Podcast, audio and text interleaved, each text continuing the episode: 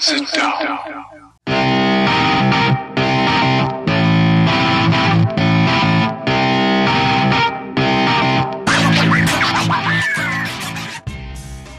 Witam wszystkich i każdego z osobna. Ja jestem Robert Kochan, a to jest Kochana NBA.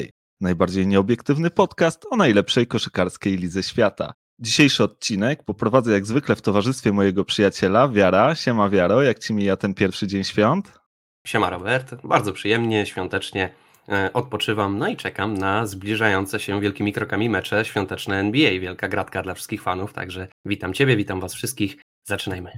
Tak, Christmas Day przed nami. No mecze rozpoczynają się w zasadzie za godzinę pierwszy. Będzie parę ciekawych meczy do obejrzenia, na pewno gratka dla kibiców. No ale my dzisiaj porozmawiamy troszkę o czymś innym. Pobawimy się w zwariowanych ogrodników i będziemy dziś przesadzać jak szaleni. Mamy ku temu powody, wszak za nami już aż jeden mecz, więc, więc jest e, jakby na podstawie czego przesadzać i, i budować takie, wiesz, takie przesadzone właśnie opinie. Prowadzimy też jakby nowy segment e, do naszego podcastu, który się nazywa Śledź Tygodnia, ale o tym troszkę więcej opowiemy na koniec.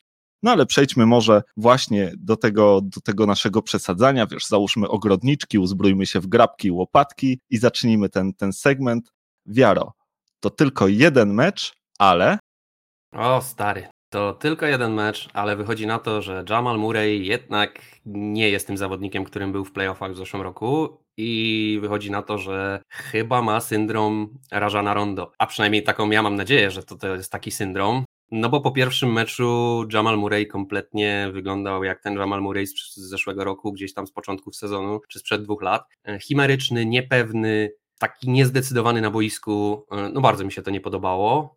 No i no dla mnie osobiście, no to właśnie takie po raz kolejny jakby zawodzę się na, na, na Mureju, tak? Po raz kolejny Murej pokazuje mi, że jednak ma tą swoją drugą stronę, że nie jest taką super gwiazdą, na którą wszyscy liczą i że te, te jego dobre mecze, mm, naprawdę dobre mecze, gdzie, gdzie, gdzie pokazuje mm, wybitny talent i, i gra świetnie w kosza, no to są wyjątki, a nie reguła. E, I, i, I te wyjątki mu się zdarzają, owszem, w miarę nawet regularnie mu się te wyjątki zdarzają, no ale to wciąż są wyjątki, to wciąż nie jest, nie, on wciąż nie może się wbić na ten swój stały, regularny poziom, żeby zawsze prezentował to samo, e, choćby tak jak jego kolega z zespołu Jokic, który po pierwszym meczu, no, no, no stary dobry Jokic, tak, no to samo co widzieliśmy zawsze ze strony tego zawodnika, te same numery, ten sam styl grania, Mm, no i jakby ta sama to samo zachowanie na boisku, ten sam, ten sam e, język ciała, ten sam gość po prostu, tak? No a Murray, tak jak mówię, Murray bez przerwy wygląda jakby, jakby miał jakieś takie wahania, nie wiem, nastroju czy czegoś, czasem mu się chce, czasem mu się nie chce, czasem mam wrażenie, że jest super pewny siebie i wydaje mu się, że jest y, nowym wcieleniem Michaela Jordana, a czasem mam wrażenie, że on sam wątpi w to, czy on jest, czy on jest zawodnikiem,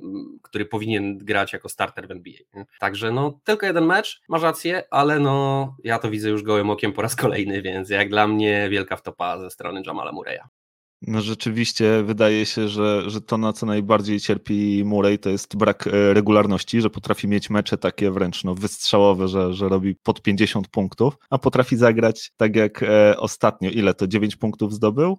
Tak, no, Mm, to nawet nie chodzi wiesz, o, o zdobycze punktowe, to ch- chodzi przede wszystkim o to, jak on na tym boisku wygląda, nie? O, to, o to, że wiesz, że nie podejmuje tego ryzyka, tak? Że, że podejmuje jakieś takie głupie decyzje nagle, no wjeżdża na dwóch, y, gdzie, gdzie bez jakiegoś takiego konkretnego pomysłu w ogóle, jak to wykończyć. No nie, no, nie wiem o co chodzi. No, wiadomo, że za takim graniem nie, nie- idą później statystyki, tak? I, I to później w statystykach też widać, ale to właśnie przede wszystkim, bo, bo, no bo Murray umie, tak? To że, to, że ma umiejętności, które mu pozwalają zdobywać te punkty, to wszyscy wiemy. To, że jest świetnym, nie wiem, rzucającym zawodnikiem, że świetnie rzuca, że świetnie w ogóle umie wykańczać akcje, zdobywać punkty, to wszystko wiemy. Także u niego to jest przede wszystkim kwestia decyzji, no i tego właśnie takiego mentalnego nastawienia do meczu. Ciężko mi to wyjaśnić. Nie wiem naprawdę z czego to wynika, ale nie wygląda to fajnie.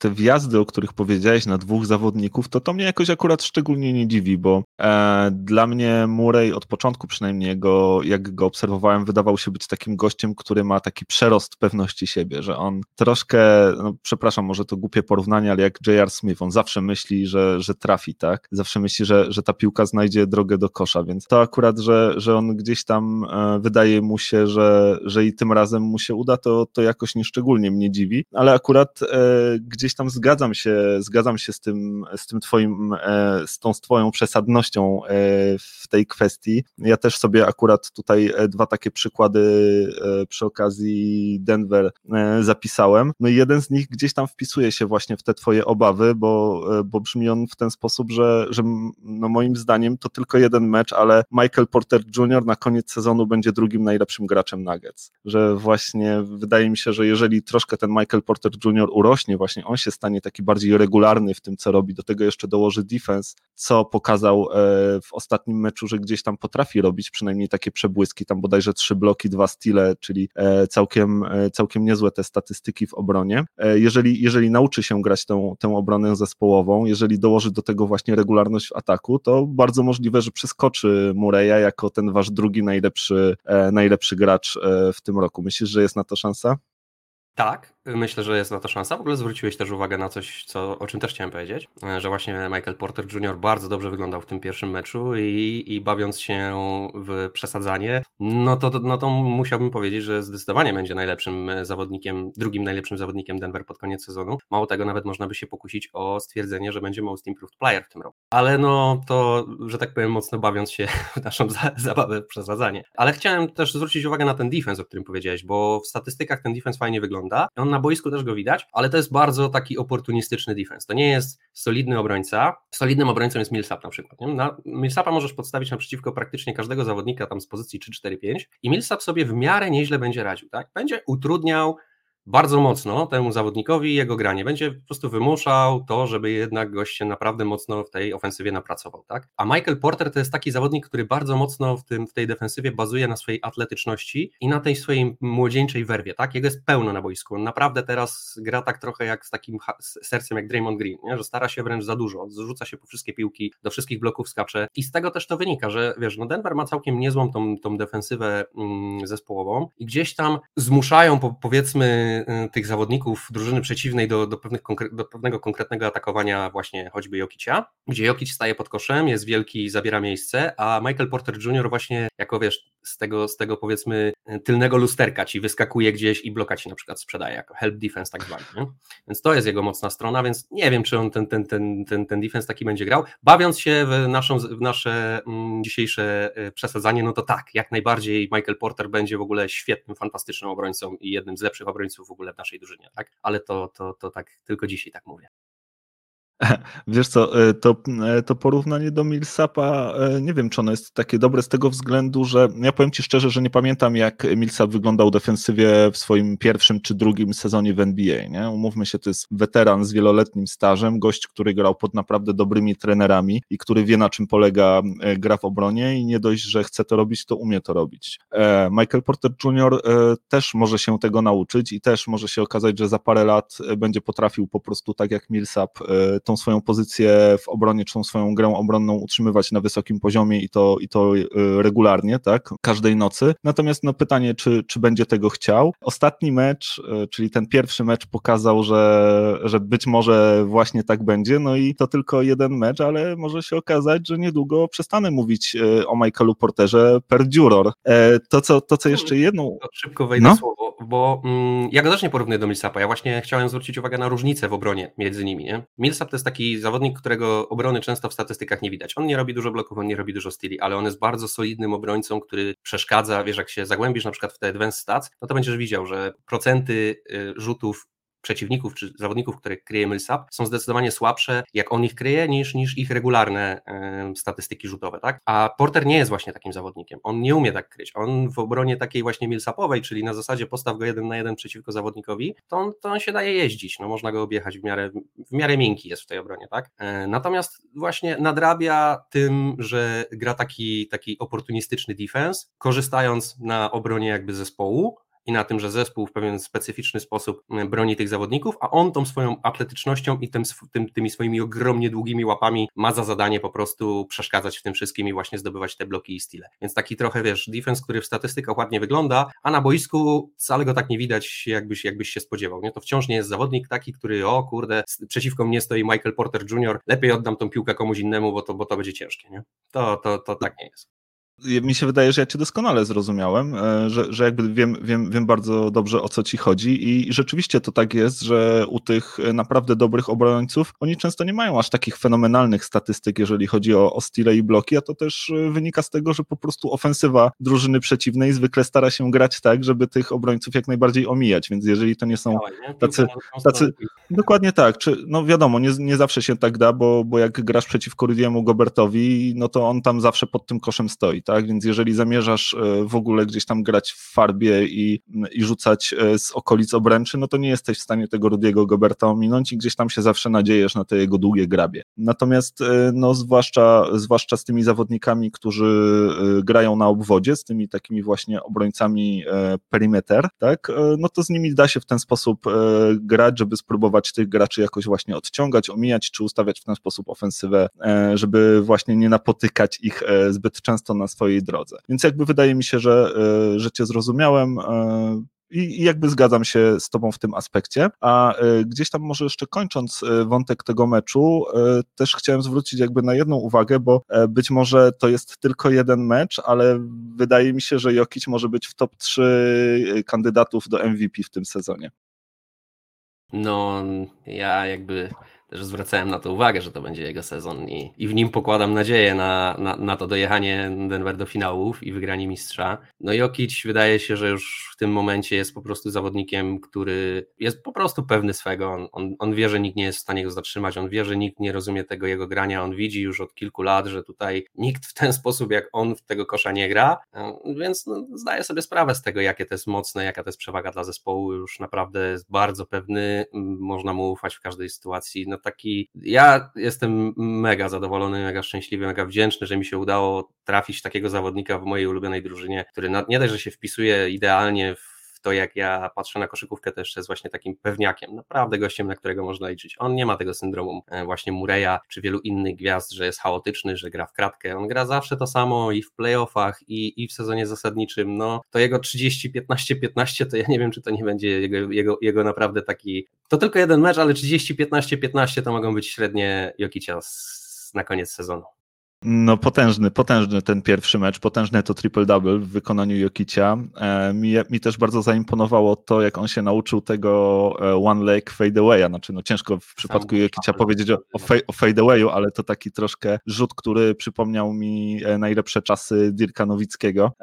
Obaj zawodnicy zresztą podobni, jeżeli chodzi o atletyczność, zwłaszcza pod koniec kariery Dirka, ledwo, ledwo odrywają się od przypadku Jokicia no, do, tego, do tych e, jakby monstrualnych numerów, które przy okazji ostatniego meczu zrobił, na pewno przyczyniło się to, że ten mecz miał jakby dodatkowy czas, tą, tą dogrywkę, e, więc, więc to pewnie gdzieś tam, gdzieś tam wpłynęło również na, na to, że te statystyki wyglądają jeszcze bardziej imponująco. Natomiast e, no jednak e, też e, muszę zwrócić tutaj uwagę, że, że to jednak e, Jokic zawalił ostatnią akcję i doprowadził do tego, że ten mecz ostatecznie przegraliście i, i przegraliście go z Kings, co, co pewnie jest troszkę bolesne. Fuks, zwykły fuks. To się po prostu, no to się zdarza w koszykówce, no co tu więcej gadać. No. Następnym razem wygramy. Raczej Kings się nie boję. To tylko jeden mecz, ale Sacramento już drugiego takiego meczu nie wygra. Dokładnie. E, dobra, słuchaj, no to może teraz e, czas na moją kolej. E, ja tutaj przejdę jakby do, do innego spotkania, bo to w sumie tylko jeden mecz, ale wydaje mi się, że Clippers zajmą pierwsze miejsce na zachodzie, jeżeli chodzi o e, regular season. Wydaje mi się, że ta drużyna dojrzała mentalnie, że mają jasno określony cel, że wiedzą czego chcą. Tailu tutaj mocno popracował gdzieś z nimi podczas tych pewnie niewielu sesji treningowych, które, które mieli, ale kiedy oglądałem mecz, widziałem na twarzach prawie wszystkich, bo nie wszystkich, z jednym wyjątkiem, wielkie skupienie, wielką chęć e, grania, wielką chęć walki i wydaje mi się, że, że właśnie mają jasno określony cel, e, wiedzą po co chcą zmierzać. E, dlaczego powiedziałem nie wszystkich? Bo nie tyczy się to Pata Beverleya, to jest jedyny gość, któremu chyba została troszkę mentalność z tamtego sezonu, który mimo to, że nawet kiedy siedział na ławce, to ciągle pyszczył, no on taki już chyba po prostu jest. Do Lebrona pyskował, pyskował do każdego. Lebron się w pewnym momencie odwrócił od niego i po prostu się zaczął z niego śmiać. No wiadomo, jak to, jak to z Patem jest. Oberwało się też Trezowi Harrelowi, który, który wiadomo zmienił barwy klubowe przez Clippers do Lakers, ale poza Patem cała drużyna, no wydawało mi się, była bardzo mocno skupiona. To bardzo fajnie było też widać po, po polu Georgiu, który no, zagrał naprawdę bardzo fajny mecz. Ja też miałem okazję mm, poczytać troszkę. E, drużyna Clippers co roku przygotowuje takie mm, jakby zestawienia, takie karteczki, e, ankiety, które każdy z graczy wypełnia i wpisuje, co tam sobie uważa. E, między innymi wpisuje skąd jest, który to jego sezon w NBA i tak dalej, i tak dalej. I jedną z pozycji jest motto na ten sezon. Wcześniej różnie to bywało, gracze wypisywali różne rzeczy. Jedną z zabawniejszych historii był, był Mo Harkless, który w ogóle pomylił numer, z którym gra i, i, prze, i skreślił go i obok wpisał e, dobry, także to tylko pokazuje, jaką, jak, jaką Mo Harkless miał, miał inteligencję. Natomiast e, wracając jakby do tego sezonu, wszyscy gracze w e, kolumnie Season Motto wpisali win i wydaje mi się, że, że oni właśnie mocno w to wierzą, mocno się na tym skoncentrowali, e, a mam wrażenie, że e, to będzie też e, tak jak ten pierwszy mecz wyglądał, tak będzie wyglądał też cały sezon przed nami, to znaczy wydaje mi się, że Lakersom po prostu nie będzie aż tak zależało, że oni, oni jako byli mistrzowie przede wszystkim chcą gdzieś tam zgrać tę nową drużynę, chcą wypracować sobie pewne schematy, wrócić do tego, co było, zacząć znowu grać dobry defense, no i pokazać się przede wszystkim dobrze w playoffach, że w tym roku nie będą e, forsować tego pierwszego miejsca, że LeBron odpuści troszkę e, meczów. Wydaje mi się, że inne drużyny mogą się im zdarzyć potknięcia, że to w ogóle będzie bardzo dziwny sezon, co już zresztą widać po, po tym, co się, co się stało w Houston, których, e, który mecz został przełożony, bo tylko czterech zawodników było dostępnych, ale wydaje mi się właśnie, że Clippers mają i odpowiednie nastawienie, i odpowiednie umiejętności, i odpowiedni zespół do tego, żeby zająć pierwsze miejsce na zachodzie i przede wszystkim mają coś do udowodnienia i będą to chcieli udowodnić i będą chcieli e, zdobyć tą przewagę własnego boiska na playoffy. No, no pięknie to przesadziłeś, no, no wspaniale wręcz, no, no, no, ogrodnik z najwyższej półki. Ciężko się nie zgodzić z tym, co powiedziałeś. Dokładnie tak to w tym meczu wyglądało. Ale ja bym chciał zwrócić uwagę może na tą właśnie drugą drużynę, czyli tą właśnie, z którą graliście, czy przeciwko której graliście e, i powiedzieć, że to tylko jeden mecz, ale LeBron w tym sezonie chyba już jest na emeryturze. Bo tak wyluzowanego LeBrona i tak niepoważnie podchodzącego do, do, tego, co się dzieje na boisku, to chyba nigdy nie widziałem. Wręcz mam wrażenie, że, że LeBron was zlekceważył w tym meczu, że wręcz tak świadomie wam pokazał, że a, nawet mi się nie chce. No bo no, no sam widziałeś, nie? Odwracał się przy rzutach osobistych, gadał sobie z ławką, gadał sobie z Patem Beverly. Taki totalnie na luzaku ten mecz zagrał, jakby grali nie me, pierwszy mecz sezonu i to jeszcze mm, z rywalami, tylko jakby grali jakiś taki zupełnie widowiskowy mecz dla fanów, żeby po prostu pokazać trochę, trochę koszykówki. I ja się w tym upatruję takiego trendu, który będzie w tym sezonie Lakersom przyświecał, że Lakersi czują się pewni po tym, jak wygrali mistrza, wydaje im się, że należą im się wakacje, wydaje im się, że należy im się jeszcze, jeszcze Rob Pelinka odwalił kawał dobrej dobrej, dobrej roboty, wzmocnił tą drużynę. Mm, no i Lakersi są w tym momencie mentalnie nastawieni tak, tak bardzo pewnie i przejadą się na tym strasznie srogo. Wy już y, im, mm, że tak powiem, udowodniliście, jak to się skończy. I myślę, że Lakersi będą e, trzecim albo czwartym seedem na koniec tego sezonu na zachodzie. No LeBron rzeczywiście był, był mocno wyluzowany w tym meczu, tak jak rzeczywiście powiedziałeś, e, tutaj potrafił podczas zrzutów wolnych się obrócić. Ja myślę, że on się po prostu nie przejmuje, że on już tyle razy przegrał z Clippersami w dniu otwarcia, to już chyba trzeci raz z rzędu, kiedy Lakersi z Clippersami grają w dniu otwarcia. Za każdym razem my wygrywamy, a potem nawet się nie spotykamy w playoffach, bo, bo Clippersi dają tyłka jak, jak, jak zwykle, więc dla Lebrona to jest, może to jest po prostu dla niego taka tradycja już, y, już nowa, że, że trzeba z tymi Clippersami przegrać na, na starcie, żeby potem zdobyć mistrzostwo na koniec. E, no, wyglądał tak, jakby się, e, jakby się nie przejmował przejął się tak naprawdę, wydaje mi się, tylko raz w tym meczu, w momencie, kiedy e, upadł na, e, na stopę Iwicy Zubaca, bodajże, jeśli się nie mylę, i usiadł na parkiecie, długo rozmasowywał tą kostkę, wydawało się, że, że, że nie do końca z nią coś jest tak. E, LeBron zresztą z powodu tej kostki przesiedział prawie całą czwartą kwartę, no ale, no ale ponoć nic tam się złego nie stało. Kostka, kostka jest cała, żadnej kontuzji nie ma, LeBron będzie mógł dalej grać. Na pewno też wpływ na ten mecz mogła mieć ceremonia wręczenia pierścieni, która odbyła się przed meczem. Zresztą fantastyczna ceremonia. Miałem, miałem przyjemność ją obejrzeć byłem pod ogromnym wrażeniem tego, jak mimo braku kibiców czy, czy całej tej sytuacji pandemicznej udało się to Lakersom zorganizować. Bardzo fajnym elementem było zapowiadanie poszczególnych zawodników przez ich własne rodziny. To jest taki trend, który rozpoczęło Phoenix Suns jeszcze przy okazji ostatniego Bubble, gdzie, gdzie właśnie rodziny zawodników e, Suns zapowiadały ich, ich, ich wejście na parkiet, potem e, skopiowali to Toronto Raptors, no i teraz Lakers wykorzystali to przy okazji wręczenia pierścieni, natomiast jak mówię, cała ceremonia bardzo fajna, bardzo piękna, bardzo wzruszająca i nie dziwię się, że e, zawodnicy Lakers mogli gdzieś tam być jeszcze głowami przy tych pierścieniach, które podobno okazały się nie do końca pasujące i były chyba za małe.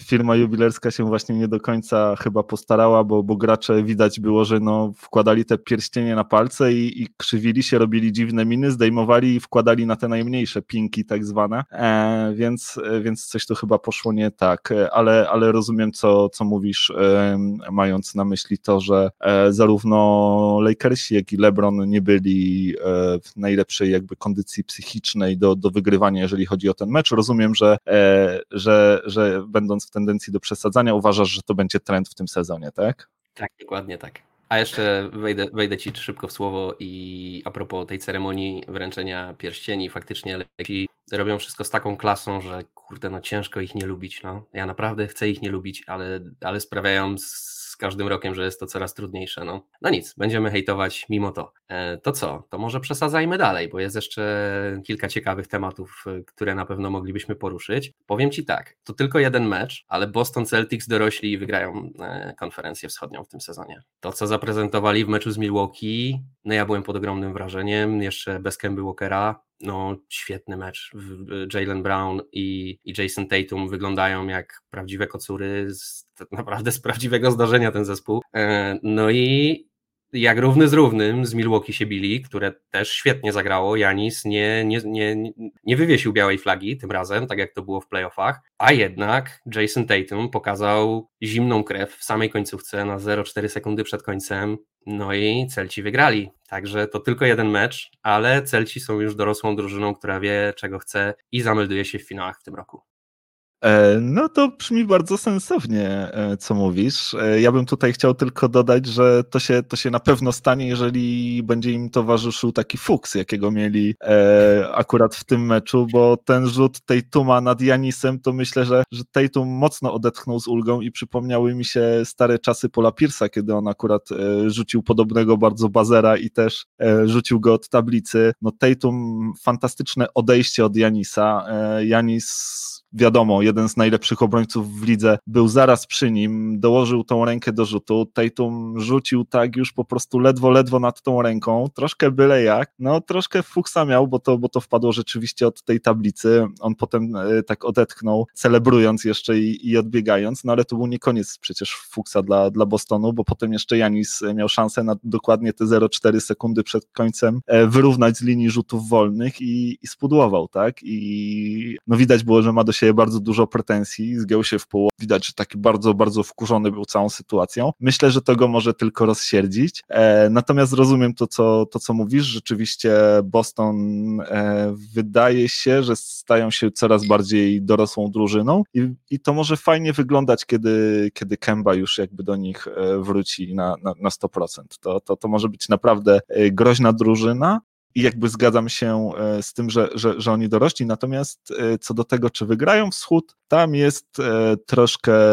mm, troszkę innych kandydatów do tego i, i chętnych.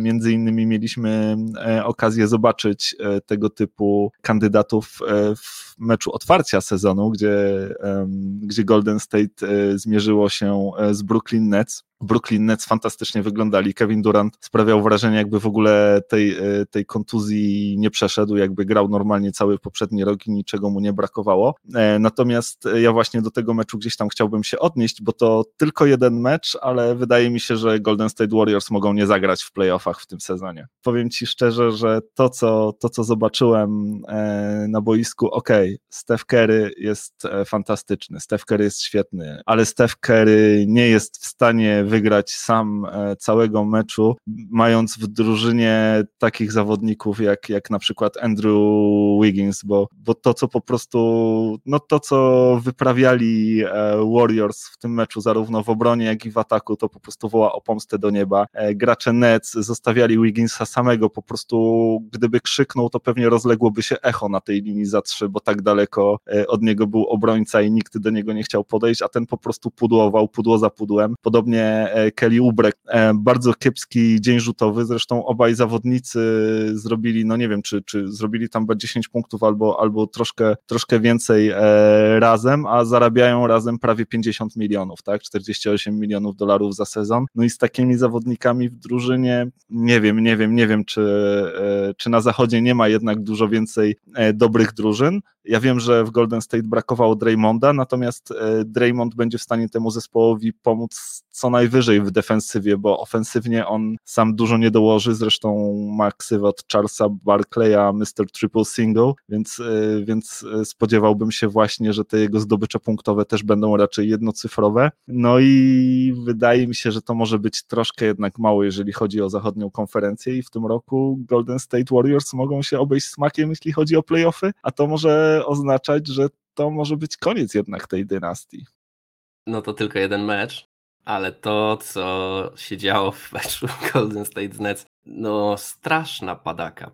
to, co powiedziałeś, oprócz Stefa Kerego, to, to, to ja nie mogłem uwierzyć w to, co tam się dzieje. Już naprawdę, no Wiggins i Tsunami Papi, nie dość, że turnovery, nie, w ogóle takie niechlujne granie, takie na odwal się, takie no bez sensu, naprawdę bez sensu, tragicznie to wyglądało. E, Nets wyglądali na drużynę groźną defensywnie, czego się chyba nikt nie spodziewał. E, bardzo mocno grali w kontrataku, wiele, wiele punktów zdobyli po fast breakach, które wynikały właśnie z durnego rozgrywania, znaczy durnego, no to nawet nie było durne, to po prostu chodzi o to, że to było takie wszystko super, super, super czytelne i na odwal się, nie? Jak podchodzi zawodnik wysoki wysoki do linii za trzy, dostaje piłkę od swojego kolegi i odwraca się w lewą stronę, patrzy na swojego innego kolegę przez chwilę i podaje tak, wiesz, leciutko, delikatnie do niego, no to wszyscy na boisku wiedzieli, gdzie to podanie pójdzie, a chłopakom z Brooklyn, szczególnie pomijając Kyriego i, i, i Duranta, to naprawdę się chce biegać w defensywie. Ta drużyna wygląda bardzo fajnie. Więc y, no nie dość, że mogą nie zagrać playoffach, to jak to tak dalej będzie wyglądało, to, to mogą powtórzyć swój wyczyn z tego sezonu i być znowu najgorszą drużyną na zachodzie, bo to sam Steph Curry to nic nam nie zrobi w tej drużynie. To jego 40 punktów nie, nie, nie jest w stanie uratować meczu, jeżeli oddaje się, nie wiem, 10 czy 15 turnoverów i pozwala się z tego zdobyć 30 czy 40 punktów przeciwnikowi. No to już, już masz skasowane to, co zrobił Steph Curry wtedy, nie? A cała reszta, tak jak mówisz, no oprócz Jamesa Wisemana, o dziwo, który w pierwszej połowie też wyglądał tragicznie, ale w drugiej połowie się przebudził, mm, który, który zdobył 19 punktów, no to, to nikt nic nie pokazał. A tak jak mówisz, no po zawodnikach pokroju właśnie Tsunami Papi, Kelly Oubre czy mm, Andrew Wiggins, no, to nie są zawodnicy powiedzmy na A, że wiadomo, że super gwiazdy i tak dalej, no ale to są wciąż zawodnicy pewnego, pewnego poziomu i pewne, pewnej produkcji się od nich oczekuje na tym boisku. A oni zagrali moim zdaniem bardzo mocno poniżej tego, czego, czego Golden State od nich oczekuje. No i jeżeli to potrwa, no to masz rację, nie zagrają w playoffach, a może nawet być gorzej, mogą nawet bić się znowu o pierwsze trzy piki w loterii. Nie, no to ta, aż, aż tak bym nie przesadzał. E, wydaje mi się, że aż tak źle to, to jednak nie, nie będzie. Jednak jak, jak, jak wróci Draymond, to, to jednak e, ten zespół parę meczów może wygrać. To też jest tak, że wiesz, nie na darmo e, Wiggins ciągle, ciągle ma na swojej wyspie e, fanów. To jest zawodnik, który raz na cztery, raz na pięć meczów potrafi zagrać bardzo dobry mecz, kiedy te trójki, kiedy zostawiają go samego, czy, czy rzuty z półdystansu nagle jakimś cudem zaczynają wpadać. Wiggins zdobywa pod 30 punktów i wszyscy mówią, o, o, o, może to jest sezon, kiedy on w końcu osiągnie ten swój potencjał pierwszego wyboru z draftu, no ale potem, e, potem wszystko jakby wraca do normy, więc e, nie wydaje mi się, żeby miało być aż tak źle, że będą najgorszą drużyną e, na zachodzie. Co prawda Sacramento już ma wygrany jeden mecz, ale to o niczym nie świadczy. E, natomiast no, te playoffy będzie bardzo ciężko. Gdzieś tam wracając jeszcze do tego, co powiedziałeś o Wisemanie, to też jakby wynika z tego, jak ten mecz się potoczył, bo to, że Wiseman zagrał lepszą drugą połowę, to wynika z tego, że po prostu w tej drugiej połowie był już troszkę śmieciowy czas, tak? Już, już grały rezerwy, ci podstawowi zawodnicy zagrali 25 minut na mecz, a to wszystko dlatego, że ten mecz rozstrzygnął się już no, w zasadzie w pierwszej kwarcie. E, bardzo szybko e, Nets zdobyli dwa razy więcej punktów niż, niż mieli to Warriors, tam chyba było 15-8, potem było 30-15, potem było w zasadzie 60-30 i tak ta przewaga rosła, rosła, aż w końcu e, weszły rezerwy i po prostu dokończyły to spotkanie, więc e, absolutnie Warriors zostali zjedzeni przez Nets. E, Steve Kerr był wściekły na swoją drużynę, no powiedział, że, że absolutnie nie zasługiwali tutaj na, na nic więcej i że muszą się dużo lepiej pokazać w przyszłości, ale on ciągle jakby wierzy w to, że, że będą będą w stanie pokazać się lepiej. Dlatego no ja też y, wierzę, że, że będą takie mecze, że Warriors będą wyglądać naprawdę dobrze. No po prostu też nie trafią na taką drużynę jak Brooklyn Nets, tak? Tylko, tylko na jakąś gorszą i, i będą w stanie te zwycięstwa y, zebrać. Natomiast no playoffów y, po tym, co, co zobaczyłem w pierwszym meczu im absolutnie nie wróżę. No, ja na pewno przesadzam i to grubo, jeżeli chodzi o Warriors, no ale, no ale taki, taka dzisiejsza zabawa, także moim zdaniem będzie im dzisiaj bardzo w, tym, w tym sezonie bardzo ciężko, mm, wnioskując po tym pierwszym meczu, bo tak jak mówisz, no, mecz się rozstrzygnął bardzo szybko i wyglądało to bardziej jak egzekucja niż jak faktyczne zawody. Ale wiesz co, to może tak, to tylko jeden mecz, natomiast y, obawiam się, że przegram nasz zakład i to z Kretesem przegram ten nasz zakład. po tym, co zobaczyłem ze strony Kevina Duranta i Kyriego Irvinga i całej reszty ekipy Nets, no super ten zespół wygląda. Grają jak znud, Kairi, mimo całego swojego dziwactwa i całej, całej, całego braku sympatii, jakim, jakim darzy tego zawodnika, no to trzeba mu przyznać, że jest, że jest magikiem na boisku i potrafi naprawdę z piłką robić wszystko. E, wiesz, on też chce, żebyśmy trochę inaczej na niego patrzyli i naprawdę się stara rozgrywać tą piłkę. Widzę nawet po nim, że jemu to tak nie w smak czasem te asysty są, bo, bo to są takie asysty, że a mógłbym zdobyć punkty i to, to w jakiś taki fajny, widowiskowy sposób, ale podam ci, bo w sumie masz, masz taką pozycję, że jesteś open, nie? E, dużo, dużo asyst tak robi. No ale tak czy inaczej, świetny zawodnik, który, który pokazuje się z, najle, z najlepszej strony. No a Kevin Durant wygląda jakby w ogóle nie miał żadnej kontuzji, tak? Ten, ten, te jego półtora roku bez grania zrobiło mu najwidoczniej bardzo dobrze. Nie dość, że wyzdrowiał, to wrócił do formy, powolutku sobie mm, się rehabilitował. No i to, to moim zdaniem teraz będzie przynosiło owoce, ta jego praca. Kevin Durant wyglądał jak MVP, wyglądał fantastycznie, robił co chciał, był nie do zatrzymania jak zwykle, nie grał na super jakiejś ekstremalnej e, intensywności. No, no, no, mecz się rozstrzygnął bardzo szybko, no wyglądało to naprawdę jak deklasacja, no weszli chłopcy na boisko, Durant i Kyrie zdobyli chyba ze 20 punktów w pierwszej kwarcie w przeciągu, nie wiem, 8 minut czy iluś, no i już można było powiedzieć, że było po meczu, tak, a, a do połowy, no to już, to już nie, było, nie było sensu grać dalej, no już, już wiadomo było, kto ten, kto, kto ten mecz wygra, tym bardziej, że Brooklyn Nets, jak wystawiają drugi garnitur, to, to naprawdę groźnie wyglądają. No, Karis Lavert jest zawodnikiem świetnym, naprawdę jestem pod wielkim wrażeniem talentu tego gościa. Taki gdzieś umknął nam z radaru i, gdzieś tak niepostrzeżenie w tym Brooklynie mm, tą karierę zrobił. I tam kilku takich zawodników jest, którzy się w sumie znikąd pokazali, nikt, nikt na nich ani w drafcie, ani, ani, ani gdzieś tam na początku ich kariery nie zwracał większej uwagi, a się okazało, że, że naprawdę fajne talenty, choćby Joe Harris, przecież fantastyczny shooter, no czy właśnie Caris Lavert, czy, czy Spencer Dinwiddie, czy Jared Allen, są naprawdę zawodnicy klasowi, fajnie to wygląda. E, oczywiście ta drużyna wciąż ma swoje bolączki i wciąż ja, e, ta, ta chemia jest, to jest wciąż tykająca bomba moim zdaniem. Natomiast jak mam e, przesadzać po tym jednym meczu, no to zdecydowanie wnoszę, że przegram ten nasz zakład i to srogo. E, wiesz co, to ja powiem ci tak, że jeszcze może nie, nie bój się i jeszcze nie szykuj pieniędzy na, na, na te kolacje, bo to w końcu jeden mecz i my jakby od początku wiedzieliśmy, że Nets będą koszykarsko wyglądać bardzo dobrze i to, co nas tutaj jakby najbardziej martwi, to właśnie ta kwestia chemii, ta tykająca bomba, o której wspomniałeś, tak? To, że e, Nets w każdej chwili może się okazać, że się pokłócą, że Kyrie powie coś, co się Kevinowi nie spodoba, że Kevin zaatakuje go na Instagramie, że nagle się zrobi niespokojny niesmacznie i niemiło. Oni są w ogóle ciągle w grze, jeżeli tutaj chodzi o, o Hardena, więc to wszystko się jeszcze może, może dziać, więc nie skreślałbym jeszcze e, tego zakładu jakby po twojej stronie. Zobaczymy. Koszykarsko wiedzieliśmy, że to, że to będzie działać. E, zobaczymy, jak będzie z tymi kwestiami jakby poza e, boiskowymi. Natomiast jakby kończąc jeszcze ten temat i, i nawiązując do tych nazwisk, o których wspomniałeś, czyli Laverta, Dinwidiego, Harisa i tak dalej, i tak dalej, no to trzeba przyznać, że rzeczywiście w Brooklynie ten player development działa naprawdę, naprawdę nieźle i oni pozbierali troszkę tych zawodników, przebudowując się, kiedy nie mieli e, tych swoich draft picków wysokich bardzo długo i po, pozbierali troszkę zawodników właśnie z innych zespołów, czy, czy jakieś takie e, gwiazdy, co do których były wątpliwości może, bo w przypadku Leverta to ja kojarzę, że on gdzieś tam był wysoko oceniany przez scoutów, natomiast zawsze na przeszkodzie tutaj stało jego zdrowie i to, że on jest bardzo podatny na kontuzję.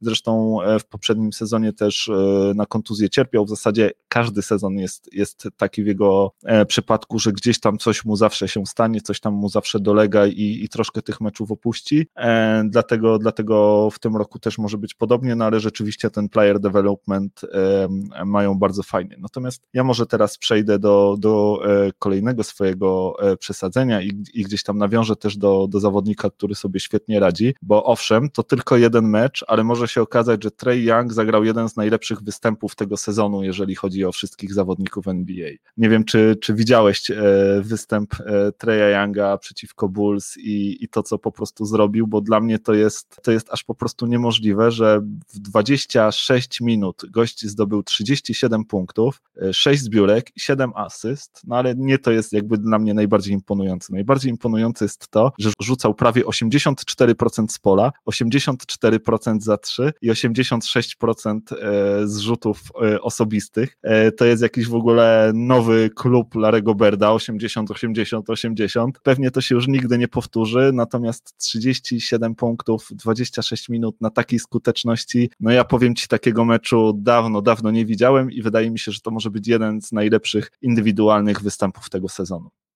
Chyba nigdy w ogóle takiego meczu nie widzieliśmy w wykonaniu jakiegoś zawodnika, a jeżeli to, to naprawdę na palcach jednej ręki pewnie można policzyć takie występy w całej historii NBA. No tak, ja w ogóle też y, muszę chyba zacząć powoli, nie tylko na podstawie tego jednego meczu, ale chyba muszę zacząć powoli zmieniać moje nastawienie do Treya Younga i, i, i moją ocenę tego zawodnika, no bo wiesz jak to jest, no ja mu nie, nie ufałem od samego początku i, i wietrzyłem, że to jest tylko takie, wiesz, patykiem na wodzie wszystko pisane w jego wykonaniu, szczególnie jak porównuję jakiegoś zawodnika do Stefa Karego, no to ja mam wielkie, mi się pojawia wielki pytajnik, no bo to jest zawodnik, jeden taki tylko był na razie, więc jak się kogoś do niego porównuje, no to, to jest zawsze podejrzane, zawsze, zawsze mnie się wydaje osobiście, że to jest po prostu hype, no ale okazuje się, że akurat za Trejem Youngiem chyba jest coś więcej niż tylko ten hype, gość pokazuje to z sezonu na sezon, że jest bardzo regularny w tym, w tym co robi, a jak naprawdę wystrzeli, jak, jak ma taki, taki moment, kiedy mu po prostu siedzi, jak się to mówi, no to, no to, no to widzisz, co się dzieje, nie? no to zakłada sobie nowy klub i to będzie pewnie klub Treya Younga, no, w którym na razie będzie tylko on sam.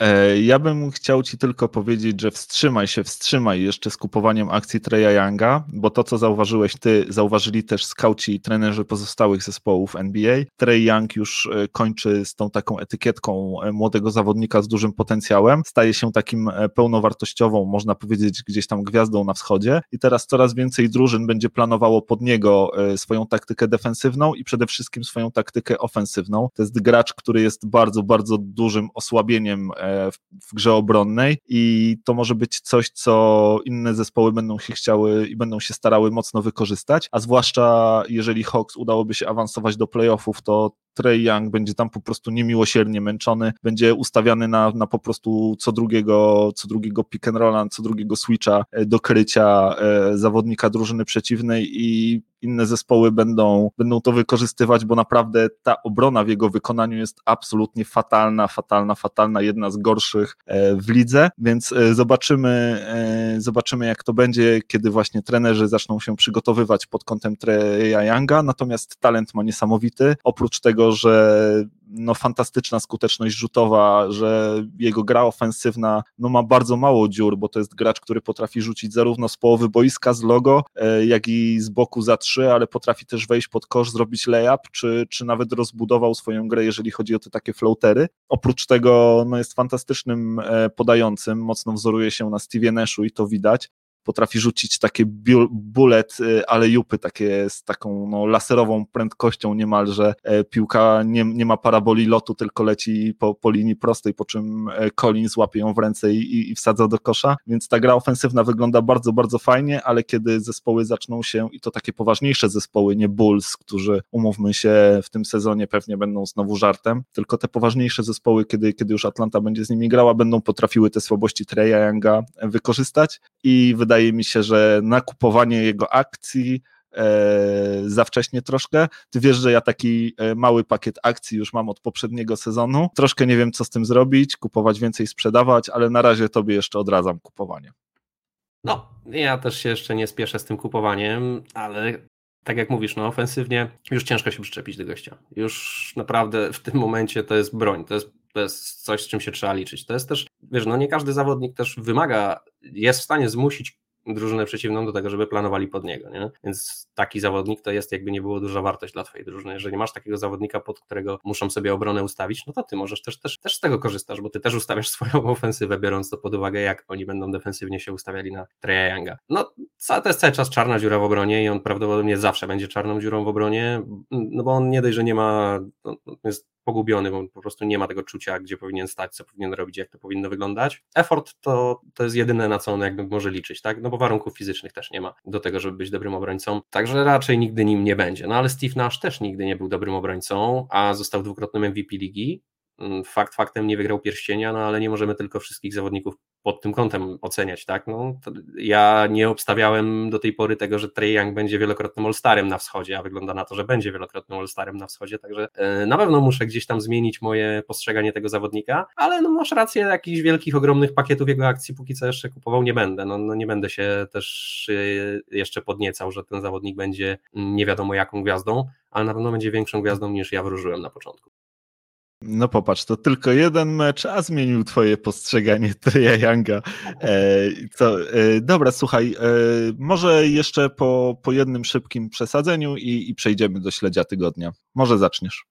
To tylko jeden mecz, ja wrócę akurat do meczu, który, o którym już mówiliśmy, ale Janis wciąż jest do ogrania w playoffach to, co powiedziałeś. E, bardzo dobrze to podsumowuje. Mimo monstrualnych wyników w statystykach, wciąż jest tak, że w końcówkach meczu, kiedy waży się zwycięstwo, kiedy wynik jest bardzo równy i, i, i czasu jest bardzo mało i trzeba rzucić punkty i kto, któraś drużyna będzie liczyła na to, że ma takiego zawodnika, który jest w stanie to zrobić, no to Janis niestety wtedy nie jest twoim mocnym punktem, tak? Da się postawić tą, tą, tą ścianę w obronie, a jak zmusisz go do tego, żeby rzucał, no to, to w dużej mierze wygrałeś, tak? To czy to są osobiste, czy to jest trójka, czy to jest jakaś tam, jakiś tam e, floater, czy to jest generalnie jakikolwiek rzut wymagający finezji, a nie tego, że zapakuje, czy, czy, czy wyłoży piłkę na, bezpośrednio na tablicę, no to, to już jest wygrana do drużyny przeciwnej. Do, do, cały czas tak jest, nie zmieniło się to, to zeszłego sezonu, widzieliśmy to w playoffach w zeszłym sezonie, widzieliśmy to teraz w pierwszym meczu, w którym Celci fantastycznie pokazali, na czym polega ta różnica. Jason Tatum może nie robi takich monstrualnych wyników jak e, Janis w sezonie zasadniczym,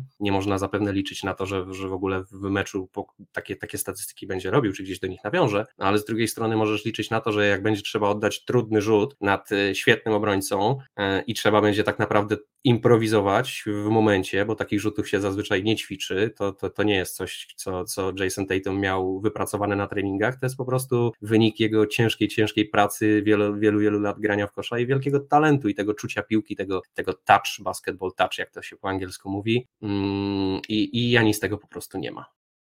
A ja mam wrażenie, że się cofnęliśmy o 10 lat i słyszę dokładnie te same rzeczy, które kiedyś mówiło się o LeBronie Jamesie. Bo to, co powiedziałeś, to jest dokładnie to, co kiedyś mówiło się o LeBronie, że jeżeli nie będzie mógł wejść pod kosz i nie wiem, liczyć na layup albo paczkę, to będzie mu ciężko, bo z dystansu jest niekonsekwentny, że nie umie rzucać osobistych, że owszem może wyłożyć piłkę, ale tego typu gracz powinien mieć, umieć wziąć odpowiedzialność na siebie i, i przechylić tą szalę zwycięstwa na, na swoją korzyść i wydaje mi się, że Janis ciągle jest na tyle młody, że tak jak LeBron może to wszystko jeszcze e, obrócić i, i wszystko może ostatecznie wyjść e, na jego. E, ja widziałem, tak jak już wspominaliśmy o tym, że rodziny graczom Lakers gratulowały pierścień. Janis akurat gratulował swojego, swojemu bratu właśnie zdobytego przez niego pierścienia i powiedział mu, że coś takiego, że stary jesteś na prowadzeniu, co, co znaczy, że, że Janis też chce mieć swój pierścień, że uważa, że to nie jest ostatni pierścień w rodzinie Antetokounmpo, że on tego swojego brata chce dogonić i przegonić, jest e, mocno zdeterminowany, a ja akurat e, w Janisa wierzę, więc, więc tutaj akurat nie przychylę się e, do tego, do tego twojego przesadzania, ale to tylko i wyłącznie ze względu na to, jak, jak bardzo szanuję tę determinację Janisa. No, chcieć, a móc. Zobaczymy, czy ta determinacja wystarczy, czy, czy same siły mentalne i chęć zwycięstwa będą wystarczające, żeby, żeby, żeby, żeby je osiągnąć. No bo nie zapominaj o tym, że jednak umiejętności koszykarskie zazwyczaj biorą w tym wszystkim górę. Nie no, pełna zgoda, pełna zgoda. Słuchaj, e, na koniec e, jeszcze e, moje ostatnie przesadzenie. Krótkie może, może, może nie, zobaczymy. Słuchaj, to tylko jeden mecz, ale Westbrook pobije rekord z Wizards, jeżeli chodzi o ilość triple-double.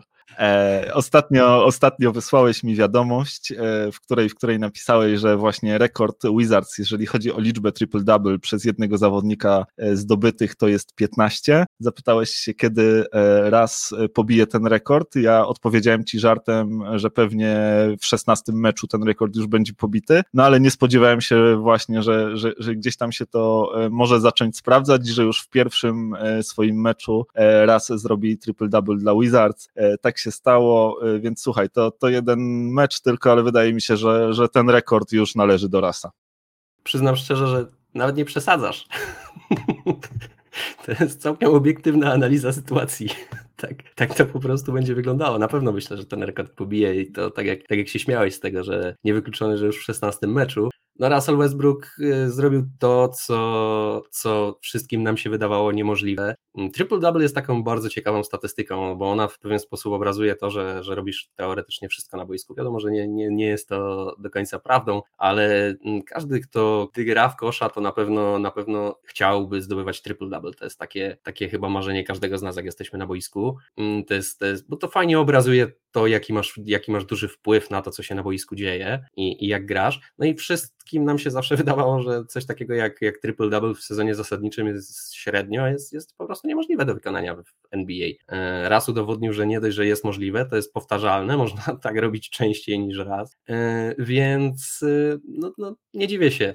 Kto wie, czy, czy nie będzie to czwarty sezon Westbrooka, w którym będzie miał triple-double na sam koniec. Myślę, że tak byśmy mogli bardziej przesadzić tutaj w temacie. Jest taka szansa. E, dobra, słuchaj, przejdźmy do naszego e, nowego segmentu, który, który tutaj mamy jakby przygotowany dla naszych słuchaczy. E, ten segment nazywa się Śledź Tygodnia. A dlaczego Śledź Tygodnia? No może, może wyjaśnisz naszym słuchaczom, co dla nas oznacza słowo śledź? Tak, no w naszym żargonie sportowym utarło się to już lata temu. Gdzieś w naszych y, rozmowach wypłynęło, już, już, już nawet nie pamiętam jak, gdzie i kiedy, ale wypłynęło, no i, no i zawiało nieświeżą rybą, nie, nieprzyjemnym zapachem, no i okazało się, że to, że to śledź. No i tak, tak to, to do dziś dnia trwa, że e, jak mamy takich zawodników, którzy się popisują właśnie tym, takim smrodem, nieświeżym zapachem w danym, w danym momencie czy, czy w swojej karierze, no to bardzo często określamy ich takim zawodnikiem, tak, tak, takim właśnie określeniem. Mm, no i takich śledzi w NBA jest i było bardzo, bardzo wielu. E, no i będziemy Wam przybliżać takich co bardziej znamienitych. Może, może regularnie, może, może co jakiś czas, to jeszcze zobaczymy. Tak, tak, tak, dokładnie. Śledź to, to najprościej mówiąc taki synonim łajzy e, w naszym, w naszym żargonie.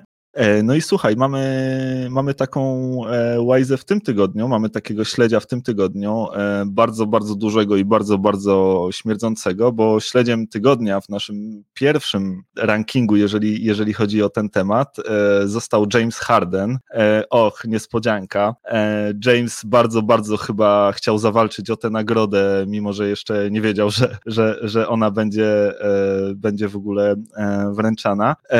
No starał się już od jakiegoś czasu, e, olewał te, te treningi, e, w końcu się zdecydował na nie pójść, przeszedł sześciodniowe e, testy, jeżeli chodzi o obecność koronawirusa. Już się wydawało, że wróci do zespołu, pojawiał się na konferencjach prasowych. Wszyscy myśleli, że mamy tutaj jakby zawieszenie broni na linii Harden Racket, po czym w poniedziałek wielka bomba na Twitterze. Wrzucone zostały filmiki i zdjęcia Hardena, który bez maseczki baluje, w ogóle było napisane, że w strip klubie i, i rzeczywiście e, filmiki pokazują go, jak e, tam się chwali prezentem, który komuś przyniósł na urodziny, że tam jakaś w ogóle fancy e, walizka od Diora, czy, czy, czy coś takiego. Potem są pokazane stripteaserki, nad którymi deszcz pieniędzy po prostu lata. No, mocne, mocne pogwałcenie całego protokołu NBA, jeżeli chodzi o walkę z COVID-em. NBA się zdenerwowała, wszczęła śledztwo E, w sprawie e, Hardena. Ten napisał e, na Instagramie na następny dzień, że to wcale nie był strip club, tylko zwykły klub, w którym były stripteaserki po prostu i że on tam był po prostu na evencie jakiejś swojej ziomeczki czy coś takiego, po czym zorientował się, że napisał głupoty i parę godzin później usunął ten wpis. No NBA jest to obojętne, czy to jest e, klub ze striptizem, czy to jest e, event, na którym e, znajduje się minimum 50 osób, bo, bo właśnie takie obostrzenia mają w tym swoim protokole. No i wszczęli to śledztwo, natomiast potraktowali Hardena dosyć łagodnie, bo groziła mu jedna z trzech kar, albo zawieszenie, albo kara finansowa, albo jakby ostrzeżenie. Dostał karę finansową, największą z możliwych, 50 tysięcy dolarów. Adam Silver Silver zapytany, dlaczego go nie zawiesił, powiedział, że no w zasadzie tylko dlatego, że to pierwszy taki przypadek i tylko dlatego, że mamy święta Bożego Narodzenia i niech Harden to potraktuje jako prezent na święta, że, że nie zabrali mu e, wypłaty za pewnie dwa czy trzy spotkania, a każdy z takich spotkań kosztuje Rockets e, pół miliona dolarów, bo tyle mniej więcej e, płacą Hardenowi za każdy mecz. Do tego Harden na treningach, na których się pojawiał, no zachowywał się wręcz skandalicznie, kłócił się się z innymi zawodnikami. E, w jednego Rukiego nawet podobno rzucił piłką, tak się na niego zdenerwował, że, że, że tamten mu coś powiedział, że, e, że, że postanowił e, rzucić w niego piłką. No i Rackets nie mają z nim łatwego życia. Wygląda to wszystko coraz gorzej, a nie dość tego, to jeszcze złapali COVID w swoim zespole, przez co przełożyli ich ostatni mecz z Oklahoma City Thunder. Okazało się, że na treningu było tylko czterech zdrowych zawodników, albo takich, którzy, którzy wiedzą, że, że na pewno e, COVID-u nie mają, więc no ciężkie czasy dla Rackets, a Harden zostaje naszym śledziem tygodnia pierwszego e, wydania. Powtórzę to, co mówimy regularnie. Nie znęcajmy się tak nad Rockets. No ale jak tu się nie znęcać? jak się dzieją takie rzeczy. E, ja jeszcze dodam, że Harden czy mnie rozbawił bardzo mocno ostatnio, gdzieś na którejś konferencji zapytany o swoje wypady właśnie do Atlanty i do Las Vegas, gdzie Atlanta, jeżeli e, ktoś z naszych słuchaczy może nie zdaje sobie z tego sprawy, ale Atlanta jest takim miastem znanym z nocnego życia, właśnie bardzo wielu strip clubów na wschodnim wybrzeżu w każdym razie mm, James Harden sobie ostatnio tam balował i tak samo balował sobie w Las Vegas, a zapytany o to, dlaczego akurat te dwa, no, o, o, te dwa jakby wypady, no, odpowiedział, że to wcale nie były żadne imprezy ani nic, tylko że to, to były jego treningi personalne i że to są jego trenerzy personalni. Więc bardzo mi się to podobało. E, no Harden sobie jaja robi, tak? No to, to, to, ciężko to nazwać inaczej. Natomiast do jednej rzeczy przyczepić się nie mogę, e, a mianowicie do tego jego rzucania piłką w rukich i, i robienia zadymy na, na treningu. No wiesz, równie dobrze mógł przyjść na ten trening w koszulce Jimmy'ego Butlera. No, Jimmy też taki kiedyś trening odwalił w Minnesocie i no, chwaliliśmy go za to, może, może, może złe słowo, ale na pewno nie mieliśmy do niego to pretensji. No, na treningach się różne rzeczy zdarzają. No, no Harden się generalnie zachowuje jak Boots ostatnio wobec, ale akurat to, co się dzieje na boisku, no wie, że tam są emocje i różne inne tego typu rzeczy. Może Ruki sobie zasłużył na to, żeby ktoś w niego ciepnął piłką. No, no tak też bywa. No nie róbmy też z tego jakiejś strasznej zadymy. No, Michael Jordan swego czasu Steve'owi Kerrowi po prostu przyłożył w twarz na treningu i też jakiejś wielkiej zadymy z tego nie było. Panowie sobie później sytuację gdzieś tam wyjaśnili między sobą, podali sobie ręce i, i zdobyli e, kilka pierścieni jeszcze razem. Także, no, no wiesz, akurat do tego, się, do tego się nie przyczepiam. Natomiast wszystko reszta, co powiedziałeś, no to no, no, no tak się nie zachowuje nikt kto ma podpisany profesjonalny kontrakt z kimkolwiek za, i ktoś komuś za coś płaci. No to, to po prostu no brak mi więcej słów, no co ja mam więcej powiedzieć. No, totalnie żenujące zachowanie gościa, który zarabia miliony dolarów, mm, zagranie w kosza teoretycznie powinien być super zadowolony ze swojej sytuacji. No ja rozumiem, że chce odejść, rozumiem, że chce zmienić zespół, rozumiem, że, że z takich rzeczy jest niezadowolony, ale żeby to pokazywać w taki sposób, no to, no to też świadczy o człowieku, tak? Świadczy to też e, o, o tym, jaki Harden jest poza boiskiem, no i z jakim gościem przychodzi ci współpracować i, i, jakiemu gościowi będziesz płacił grube miliony za to, żeby był twarzą twojej drużyny. Nie? Także no też można wziąć pod uwagę to, że pewnie wszystko, co Harden robi takiego, czy większość rzeczy, które robi takie y, na zasadzie, wiesz, dobra mm, dla drużyny, no to są, to są zagrywki PR-owe, gdzie on to robi tylko dlatego, że ma to wpisane w kontrakt i gdyby tego nie miał wpisanego w kontrakt, nie miał tych obligacji, żeby faktycznie takie rzeczy robić, no to pewnie miałby w dupie i by po prostu sobie siedział w nocnych klubach i żył swoim życiem. No i w porządku, nie? Każdy ma swoje, swoje podejście do, do, do, do wszystkiego, niech sobie każdy robi co tam, co tam mu się żywnie podoba, natomiast wygląda to słabo, jak się na to patrzy z zewnątrz, nie? jak ktoś się tak zachowuje mm, wobec drużyny, która tak naprawdę dała mu wszystko, czego chciał, zapewniła mu, wielokrotnie próbowali z nim wygrać, wielokrotnie próbowali budować drużynę naokoło niego, ściągali mu gwiazdy, mm, przebudowywali ten zespół totalnie pod jego granie, trenera miał takiego jak chciał, treningi miał kiedy chciał, wszystko miał jak chciał i, i, i, i e, naprawdę niewiele y, mm, brakło, żeby coś wygrać w tym zespole. Mm, także no, super słabe zachowanie. No, śledź tygodnia, jak nie, jak nie śledź sezonu w jego wykonaniu. No, ta nasza nominacja do, do śledzia tygodnia moim zdaniem jak najbardziej zasłużona.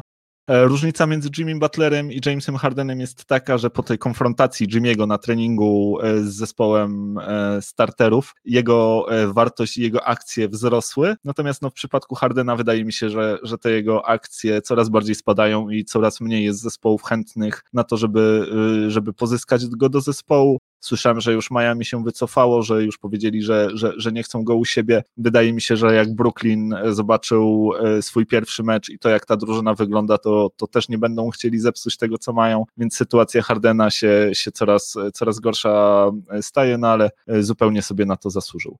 E, słuchaj, e, kończymy powoli. E, dziękujemy Wam bardzo, że, że byliście z nami kolejny odcinek. Oczywiście zapraszamy i zachęcamy Was do kontaktu. Piszcie do nas na kontakt małpkakochana.nba.pl lub znajdźcie nas na Facebooku i, i też tam do nas piszcie. Dajcie nam znać, co, co Wy myślicie na te tematy, o których dziś rozmawialiśmy, na te nasze przesadzanie. Jeżeli macie swoje własne typy, swoje, swoje własne ogrodnicze przesadzenia, to dajcie nam znać, jakie, jakie one są. Bardzo chętnie je posłuchamy słuchamy, e, a tymczasem zapraszamy Was już na e, kolejny odcinek, który odbędzie się za tydzień, czyli już e, w nowym roku kalendarzowym i życzymy Wam spokojnych świąt i właśnie szczęśliwego nowego roku. Bądźcie bezpieczni i do usłyszenia. Dokładnie tak, najlepsze życzenia od nas, a my lecimy oglądać mecze NBA. Trzymajcie się, do usłyszenia.